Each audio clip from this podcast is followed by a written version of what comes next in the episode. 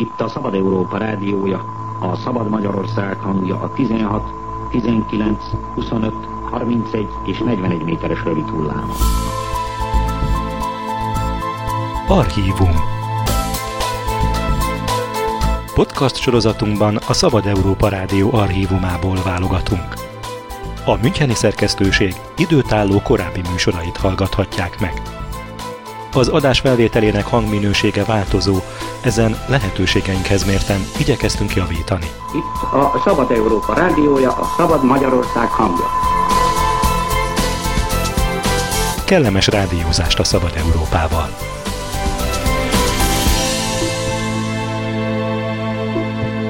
Most meghallgathatják a Szabad Európa Rádió 1993. február 15-én sugárzott műsorát.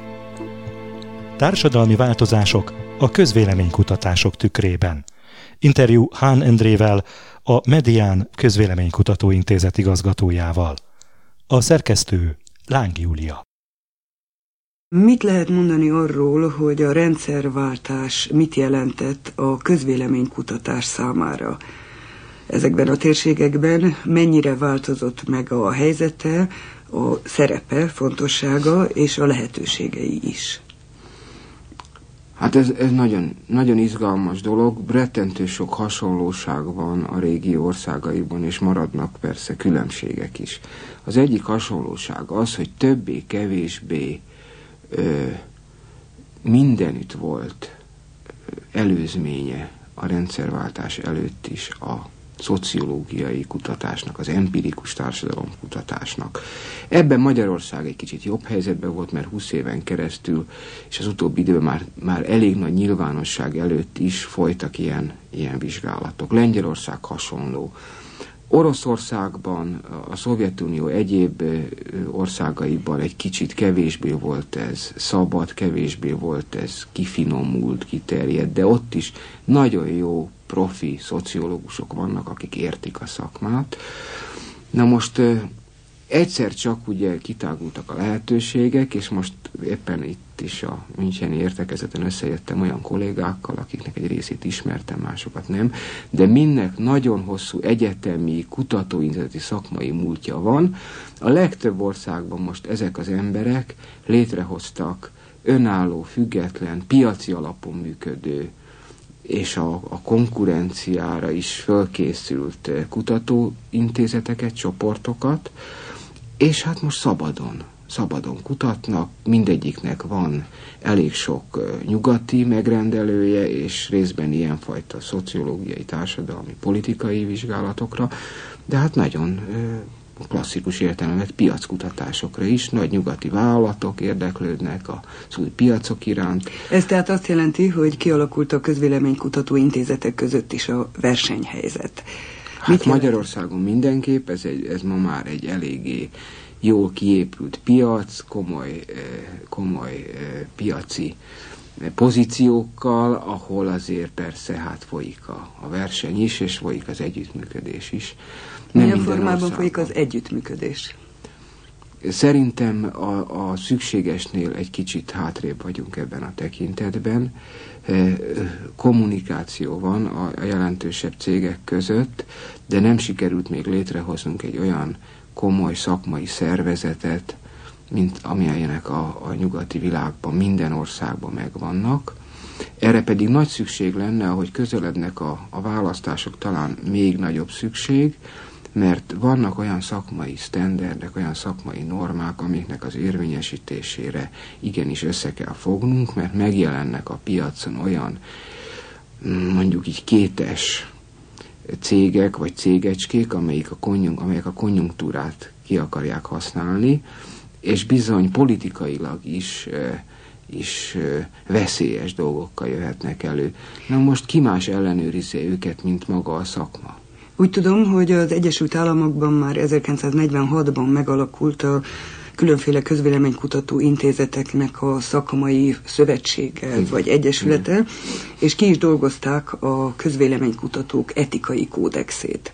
Létezik-e már ilyesmi Igen. Magyarországon Igen. is? Van, van, van amerikai etikai kódex, és van nemzetközi etikai kódex, és Magyarországon még nincs elfogadott úgynevezett etikai kódex, van egy, van egy norma rendszer, amit többé-kevésbé mindenki ismer és követ, de a dolog nincs szabályozva, és nem lehet intézményes formába föllépni az esetleges szélhámosságokkal és viákságokkal szembe. Ha tehát létezik nemzetközi etikai kódex, akkor minden bizonyal egy magára valamit is adó közvéleménykutató, még akkor is, hogyha Kelet-Európának olyan térségeiben él, ahol a helyi kódexet nem dolgozták ki, ezt be akarja tartani. Mi a helyzet, mennyire tartják ezt be Magyarországon, és bizonyára érdekli a nagy közönséget, hogy mi a lényege a közvéleménykutatás etikai kódexének. Hát az a néhány közismert intézet, amelyik Magyarországon mondjuk a sajtóban is szerepel, ezek én azt gondolom, amennyit én tudok róla, hogy minnyáján törekszenek azoknak a szakmai etikai követelménynek a betartására, amiket ezek a nemzetközi kódexek előírnak, de mondom, fölbukkannak időről időre, és szerintem a választás közelettével még inkább föl fognak bukkanni olyan cégek, amelyek ezekről talán nem is tudnak. Tehát ez, ez a mi szakmánknak és sok más szakmának is persze problémája, hogy nagyon sokan úgy képzelik, hogy ez egy, ez egy balaszt egyszerű dolog. Hát ki kell, ki kell találni néhány kérdést, azokat le kell írni, aztán föltenni különböző embereknek, aztán ebből lesz valami. Hát az, hogy hogyan áll össze egy véletlen reprezentatív minta, az, hogy milyen statisztikai követelményeknek kell megfelelni, az, hogy hogyan lehet a, az adatokat publikálni, azt, hogy, hogy egyáltalán mit lehet elvárni az, a, az emberektől, a megkérdezettektől, és milyen kötelezettségei vannak az ő irányukba. Na most ezeket persze országonként is más-más törvények szabályozzák, van ahol, van, ahol nagyon szigorú, tehát nem lehet újra felhasználni azoknak az embereknek a nevét és címét, akiket már egyszer megkérdeztünk. De hát ami, ami abszolút kötelező, az mindenütt a, az anonimitás, a névtelenség. Tehát, hogy semmi módon az összegyűjtött adatok, az egyes emberek válaszai ne legyenek kapcsolatba hozhatók az adott személlyel, és így tovább. Aztán persze van egy másik oldala a, az ügyfelekkel, a megrendelőkkel szembeni kötelezettségek, az adatoknak a, a bizalmas jellege, mi az, ami nyilvánosságra hozható, mi az, ami nem. Itt azért különbözik persze az is, ami, ami, ami közhasznú, politikai társadalmi információ, meg az, ami egy megrendelőnek, mondjuk egy, egy, egy vállalatnak az exkluzív információja. Piackutatás céljára. Így van. Maradjunk talán a politikai jellegű közvéleménykutatásoknál, mert valószínűleg a közönséget ennek az eredményei jobban érdeklik, mint mondjuk a fogpasztagyárnak a Igen. megrendelései. Igen. Mennyire használják föl annak ellenére, hogy esetleg, hát bizonyára nem mindenki, bizalmatlanok a közvéleménykutatással. Ezeknek az adatait mondanék egy jellemző osztrák példát, a közvéleménykutatások bizonyították azt, hogy az osztrák közvélemény messze menően nem annyira vonzódik az európai közösséghez és a csatlakozáshoz, mint a politikai elit, amiből az eredmények láttán az következett, hogy egy igen komoly reklámkampányt csináltak a politikusok, hogy a nép értse meg, hogy érdemes Európához csatlakozni. Ez csak egy példa, de úgy tudom, hogy nyugaton igazán sok ilyen példa lehet, hogy a politikusok, mivel elhiszik, hogy itt nem hókusz-pókuszról van szó, fölhasználják az eredményeket, és ahhoz igazítják már, amennyiben lehetséges és kell is a következő cselekedeteiket. Mi a helyzet ebben az ügyben Magyarországon? Magyarországon eléggé izgalmas a helyzet, és itt megint egy pillanatra utalnék a, a többi kelet-közép-európai kollégával folytatott beszélgetésekre. Nálunk annyiban különös a helyzet, hogy végül is 20 éves, több mint 20 éves közvéleménykutató gyakorlat után, amikor is a volt rendszernek a politikusai egyre jobban hozzászoktak ahhoz, hogy ilyen, ilyen információkkal dolgozzanak. A rendszerváltás azt hozta, hogy a vezető politikusok nagy része ellenségesen, kritikusan, gyanakodva viszonyul a, a közvéleménykutatásokhoz. Ami persze szét kell választani, azt gondolom, hogy a propagandisztikus megnyilvánulásokat attól, amit valójában gondolnak. Én nekem jobb véleményem van annál, sok kormánypárti politikusról, mint hogy egy az egybe elhiggyem azt, amikor a közvéleménykutatásokkal szembeni kételjét fejezi ki. Ez is része esetleg egy olyan eh, kampánynak, ahol a saját imidzsüket, a saját politikai pozíciójukat kívánják erősíteni, és persze, akire nézve kedvezőtlen adatok kerülnek nyilvánosságra, azok nem mondhatják azt, hogy igenis, hát tudom én, hogy milyen rosszul állunk, inkább azt mondja, hogy talán itt valami csúsztatás, valami manipuláció van. Bár éppenséggel az utóbbi időben az MDF-en belüli konfliktusok és, és, és politikai küzdelmek során már-már ott tartunk, hogy, a köz, hogy éppen Csurka István, aki korábban csak becsmérőleg beszélt a közvéleménykutatásokról, az utóbbi idő, mint hogyha fölhasználná a saját e, érvelésében is, hogy lám milyen rosszul áll a kormány, akkor itt baj van, akkor... Tehát, tehát ez egy bonyolult játszma, ahol mi nem tehetünk mást, közvéleménykutatók, hogy rendszeresen és higgadtan megpróbáljuk közé tenni azokat az eredményeket, amiket kaptunk, és csak remélni tudjuk, hogy, hogy a politikusok is okulnak belőle. Nem ez a fő célunk, megmondom őszintén. Én, ha valami eh, hivatást, missziót képzelek -e mögé, a szakma mögé, akkor azt gondolom, hogy a fő dolgunk az, hogy magának a közvéleménynek adjunk visszajelzést, hogy az egyes ember tudja, hogy az ő véleménye körülbelül hol helyezkedik el a, az, az össztársadalmi a, a, a közvéleményében. Tehát a legfőbb szerep az a tükör? Számomra igen. Én, én, én, ezt, én ezt hiszem a legfontosabbnak. És persze az is fontos, hogy mint állampolgárok és mint politikusok, a vezető figurák is, is tájékozódhassanak. Tehát igyekszünk a, először is a lapokból, én azt hiszem, hogy mindenki mohón tájékozódik, amikor különösen, amikor a politikusok népszerűségi rangsoráról, vagy a pártok pillanatnyi megítéléséről van szó. Én azt gondolom, azok, akik pecsmérlő szavakat használnak, azok is mohó rávetik magukat, és, és elemzik. Társadalmi változások a közvéleménykutatások tükrében. A Medián közvéleménykutató igazgatójával, Han Endrével beszélget Láng Júlia. Voltak-e arról fölmérések, hogy mennyire befolyásolja a közvéleményt a közzétett felmérések eredménye? Rengeteg ilyen elemzés készült. Magyarországon talán kevesebb, hiszen még a, a politikai pluralizmusnak sokkal rövidebbek a hagyományai. De Amerikában például azt a problémát, hogy egy választási előrejelzés hogyan hat vissza a választó polgár az egyén viselkedésére, nagyon sok kutatás elemezte. Ez nem olyan egyszerű dolog, tehát azok, akik azt gondolják, hogy, hogy mondjuk korlátozni kell a választási kutatásoknak a nyilvánosságra hozatalát, azok valami nagyon egyszerű modellből indulnak ki. Abból indulnak ki, hogyha az előrejelzés azt mondja, hogy a többség X pártra fog szavazni, akkor a bizonytalan emberek nagy része épp azért, mert szeret a többséghez tartozni, az szintén X pártra szavaz, és ebben halmozottan előnyös helyzetbe kerül az X párt, holott az ellenkezője is igaz. Hogy el sem megyek, mert úgy gondolom, hogy úgy is szavaznak arra. Pontosan, Nem ez erre bizonyítékok vannak arra, hogy, hogy adott esetben egy, egy kevéssé aktív, kevéssé elkötelezett választópolgár úgy érzi, hogy az ő szavazatára már nincs is szükség.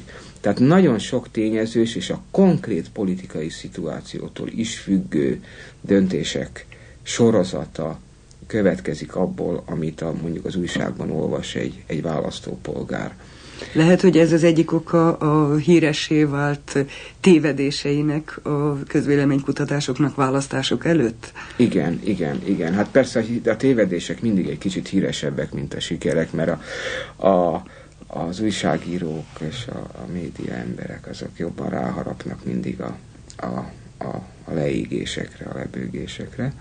És Kétségtelen, hogy volt az elmúlt időben is néhány eh, kudarc, eh, Angliában, eh, például az a legismertebb, mert ott a nagy hagyományokkal rendelkező, rendelkezik a szakma, de, kevesebbet beszéltek a sikerekről. Éppenséggel arról is kevesebbet beszéltek, nem azt mondom, hogy, hogy az egész világnak ebben kéne foglalkozni, de Magyarországon az első szabad választásokon 1990-ben a medián, a mi intézetünk, de a többi intézet sem bőgött le, pedig nálunk aztán ennek kevés volt a, a szakmai eh, hagyománya.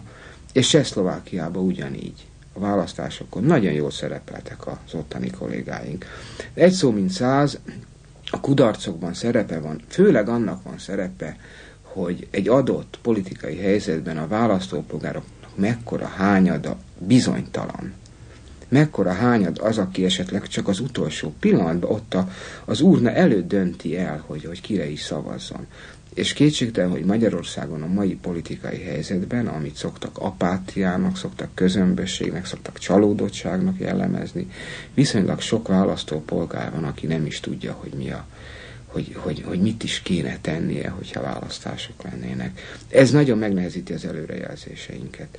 Nagyon nehéz kitalálni, hogy mi, milyen mélyebb motivumok, milyen politikai ö, ö, preferenciák, ö, motoszkálnak az emberek fejében, akkor, amikor egy ilyen átmeneti helyzetben vagyunk. Szó volt az előbb röviden érintve az újságírók szerepéről. Mennyire vannak a közvéleménykutatók esetleg szinte kiszolgáltatva a fölületesen hozzáértő, vagy nem nagyon hozzáértő újságíróknak a közvéleménykutató közli a felmérése adatait, a kérdéseket, a kérdésre adott válaszokat, de azt azután voltak éppen nagyon sokféleképpen lehet tálalni. Ez, ez húsba vágó kérdés, és azt mondhatom, hogy ez se csak Magyarország vagy a vagy az új, nemrégiben demokratikusan vált országok problémája, ez is majdnem, hogy világméretű probléma, és egy pillanatra még vissza utalok arra, hogy ezért is fontos, és ezért is kéne most már mindent megtennünk, hogy egy szakmai szervezetet létrehozzunk, mert itt például közösek az érdekeink, akkor is, ha esetleg konkurensek vagyunk. Hogyan tartsuk a kapcsolatot, hogyan próbáljuk ha szabad úgy mondanom, nevelni az újságírókat, mert hát az újságíróknak értelemszerűen nem, nem kell statisztikai szakértelmük legyen, nem kell, hogy a mi szakmánk minden csinyát, binyát ismerjék, és hát emiatt aztán, hogyha mi nem figyelünk oda, és harci kérdés azt kell mondanom, tehát én például nagyon törekszem arra, hogy újságírók csak úgy, esetleg töredékes információk alapján ne írjanak közvéleménykutatási elemzéseket. Én azt szeretném jobban, és azt, azt igyekszem a gyakorlatban érvényesíteni, hogy mi magunk, kutatók írjuk meg ezeket az elemzéseket, és ezeket tegyék közé az újságba.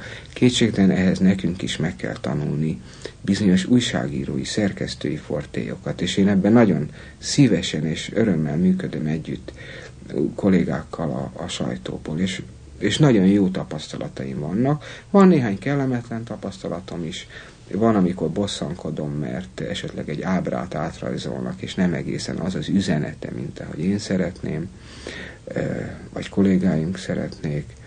És, és van olyan is, hogy átvesznek egy más labba megjelentett közvéleménykutatás, és akkor már néha megjelenik a politikai szándék is, hogy úgy emeljenek ki belőle, hogy az, hogy az annak a, az újságírónak, vagy annak az újságnak a politikai irányzatához illeszkedjen jobban, de hangsúlyozom, ebben nem lehetnek vérmes reményeink, mert Amerikában, ahol sok évtizedes ö, tapasztalatok vannak, ott is megtörténnek ilyenfajta ügyeskedések és csúsztatások, de hát a közönkutatás az mégiscsak egy szakmasok közül melyik szakmával nem, nem ez a helyzet.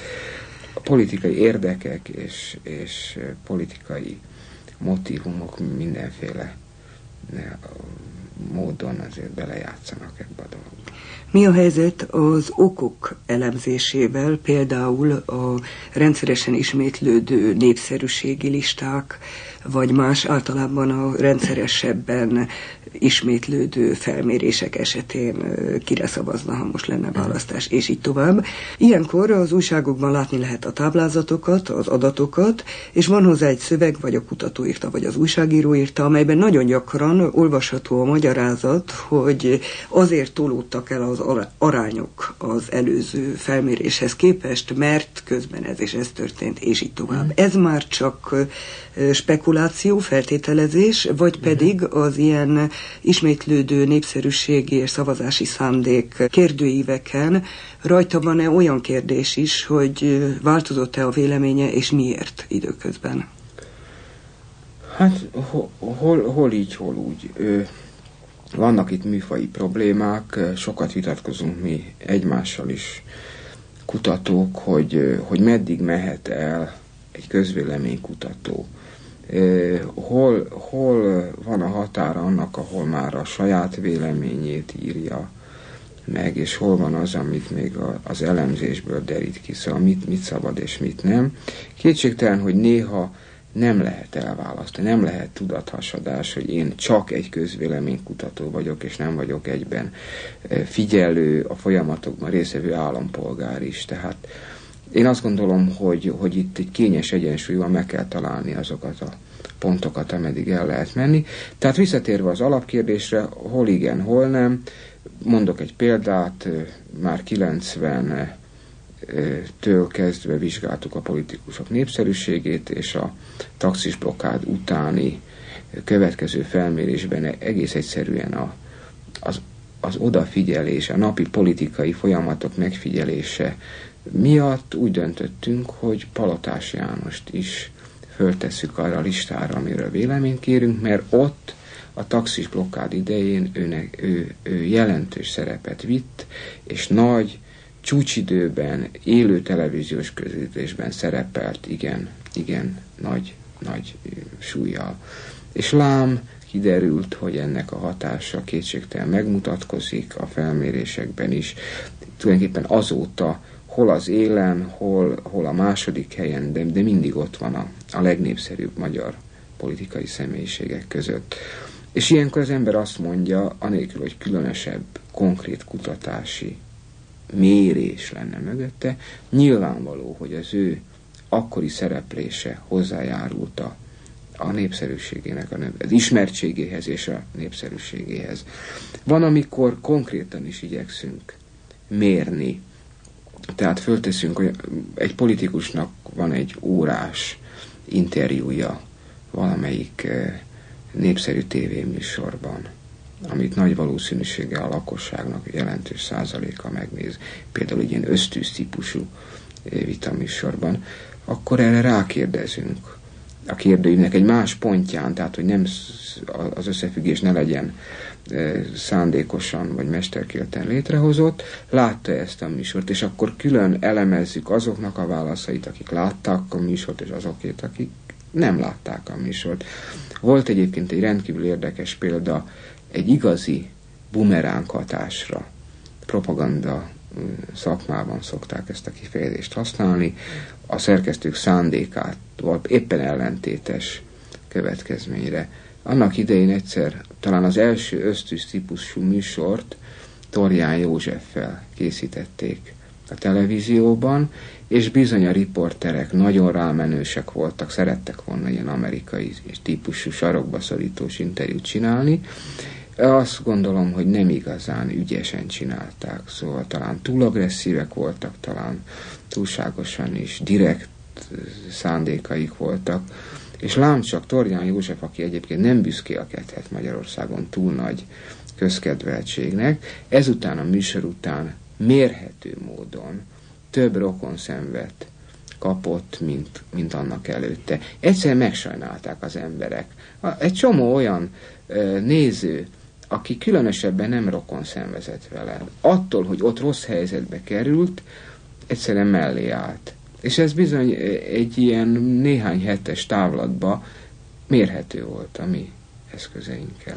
Feltételezhető, hogy a politikai témájú felméréseket politikusok vagy politikai pártok rendelik meg. Kialakulóban van-e Magyarországon is olyasmi, ami például Ausztriára jellemző, hogy a két nagy pártnak megvan a szinte úgy mondhatnánk saját közvéleménykutatója, ezt úgy szokták kifejezni, hogy a párthoz közel álló közvéleménykutató intézet, mellesleg eredményeik nagyon hasonlítanak egymásra, és az már csak a következő kérdés, hogy az adott pártok politikusai hogy értelmezik ezt. Uh-huh. Kialakulóban van-e ilyesmi Magyarországon is? Hát csak nagyon csírájában, de ebben a tekintetben probléma, hogy Magyarországon nem két nagy párt van, mint ahogy ez az Egyesült Államok, vagy Angliában, vagy, vagy éppen Ausztriában. Itt hat parlamenti párt van, és ebben a, ebből a szempontból szerencsés helyzetben vagyunk mondjuk Lengyelországgal szemben, ahol meg több tucat párt van. Minden esetre ez a hat párt sem, sem egyformán használja a közvéleménykutatás eszközét. Vannak pártok, amelyek tudatosabban, már a 90-es első szabad választás előtt és alatt is tudatosabban támaszkodtak ilyen munkára, ilyen elemzésekre. Egy politikai kampánynak a megtervezésétől kezdve igenis lehet olyan információkat adni, amik, amik, amik segítik a munkát. Nálunk ez még gyerekcipőbe jár, egyre inkább úgy veszem észre, hogy a, a, a, a, azok a pártok is tapogatóznak ilyen irányba, akik korábban nem, de nem, nem alakult, nem, nem álltak föl így a, a egyes pártokhoz egyes közvéleménykutató párosodások. A Szabad Európa Rádió 1993. február 15-én sugárzott műsorát hallották. Hán Endrét, a Medián Közvéleménykutató Intézet igazgatóját Láng Júlia kérdezte.